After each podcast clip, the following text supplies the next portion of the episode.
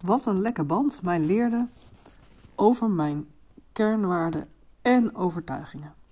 Hallo en welkom bij aflevering 106 van de podcast Van Denken naar Doen met Esther. De laatste weken deel ik veel over kernwaarden en wat je daarmee kan. En gisteren heb ik mijn fiets naar de fietsenmaker gebracht om mijn band te laten plakken. En deze keuze maak ik tegenwoordig heel makkelijk, maar dat is wel eens anders geweest. En ik zal je mee vertellen hoe dat een tijd geleden ging toen ik een lekke band had. Daarvoor ga je toch niet naar de fietsenmaker? Dat kun je toch zelf? zei een vriend tegen mij toen ik vertelde dat ik overwoog om een band te laten plakken. Het triggerde iets in mij. Mijn vader had me namelijk geleerd om een band te plakken toen ik een jaar of zes was. Dus ik kon het inderdaad. En als student werkdagbouwkunde, en werkdagbouwkunde-studenten werden ook wel fietsenmakers genoemd, gaf het me eigenlijk een kick als ik mijn band aan het plakken was en er dan mensen voorbij liepen die dan tegen me zeiden van hey, heb je niet een mannelijke huisgenoot die dat voor je kan doen? Ik voelde me dan trots en ik was echt blij dat ik zelf mijn band kon plakken. Dus toen die vriend dat tegen mij zei, ja, kwam er een heleboel uh, overtuigingen naar boven van ja, ik kan het toch zelf en uh, uh, waarom zou ik hem eigenlijk wegbrengen en het kost ook minder geld. En toen nog, als ik dan nu terugkijk, denk ik, hoor ik daar mijn vader iets zeggen? Um, dus uiteindelijk kwam het erop neer dat ik inderdaad zelf mijn band ging plakken. En eigenlijk alles wees erop dat het geen goed idee was. Namelijk, het eerste was, ik kon de bandenplakspullen niet vinden. Ik wist zeker dat we ze hadden. En nou ja, ik kon ze zo snel niet vinden. Dus we gingen op zoek naar, mijn naar bandenplakspullen. En uh, haalden die bij mijn schoonouders. Nou, dus toen kon ik aan de slag.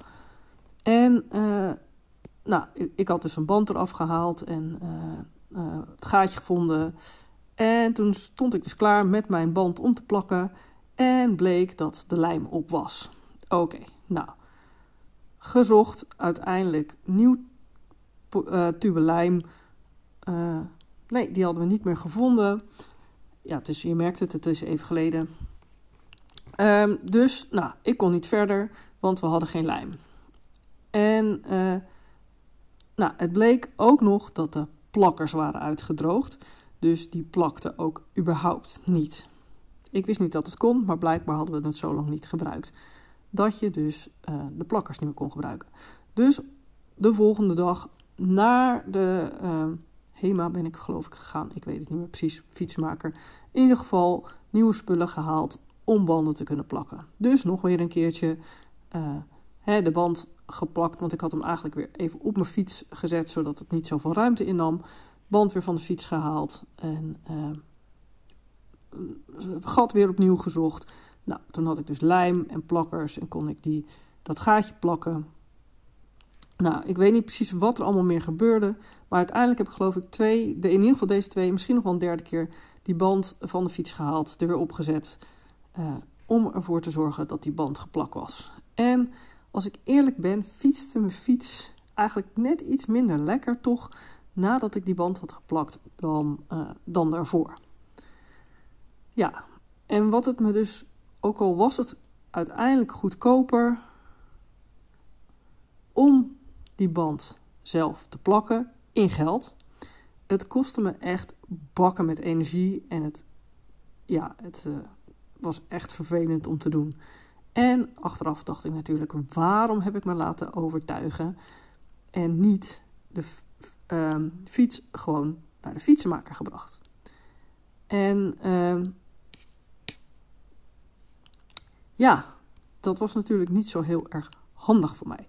En had ik nou even stilgestaan bij mijn eigen kernwaarden en hoe ik die toepas in mijn leven, dan was de keuze ook die keer heel makkelijk geweest.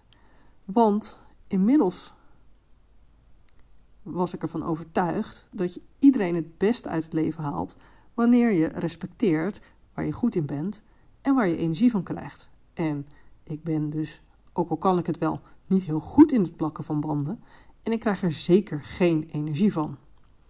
En verder vertrouw ik inmiddels op overvloed. Er is genoeg geld. Dus hè, dat stukje van ehm, het kost minder geld als je het zelf doet, had ik ook makkelijk naast me neer kunnen leggen. En uh, ja, had gewoon kunnen denken van weet je, er is genoeg geld. Dus waarom breng ik hem niet naar de fietsenmaker? Alle partijen blij. Nou, de vorige keer had ik dat dus helemaal niet gedaan. En uh, deze keer was doordat ik inmiddels wat bewuster met mijn kernwaarden leef. En ook hè, hoe, ik, hoe ik die integreer in mijn leven. Was de keuze om hem naar de fietsenmaker te brengen. Was eigenlijk heel simpel. Denk je nou na het horen van dit verhaal, kon ik ook maar zo makkelijk die keuzes maken, zodat ik simpel en vol zelfvertrouwen kan leven en ondernemen?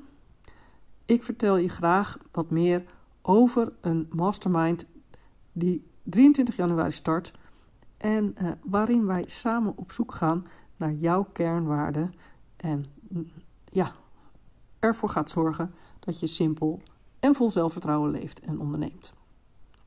Wil je nou meer weten over dit traject? Dan kun je een kijkje nemen op www.esterbennett.nl schuine streep eigenwijze min strategieën. De link staat ook in de show notes, dus je kan altijd even makkelijk daar naartoe. Dan wil ik je deze podcast, dan wil ik deze podcast eindigen door je hartelijk te bedanken voor het luisteren naar deze podcast en alle andere podcasts die je misschien geluisterd hebt dit jaar. En ik wens je hele fijne kerstdagen en tot de volgende podcast.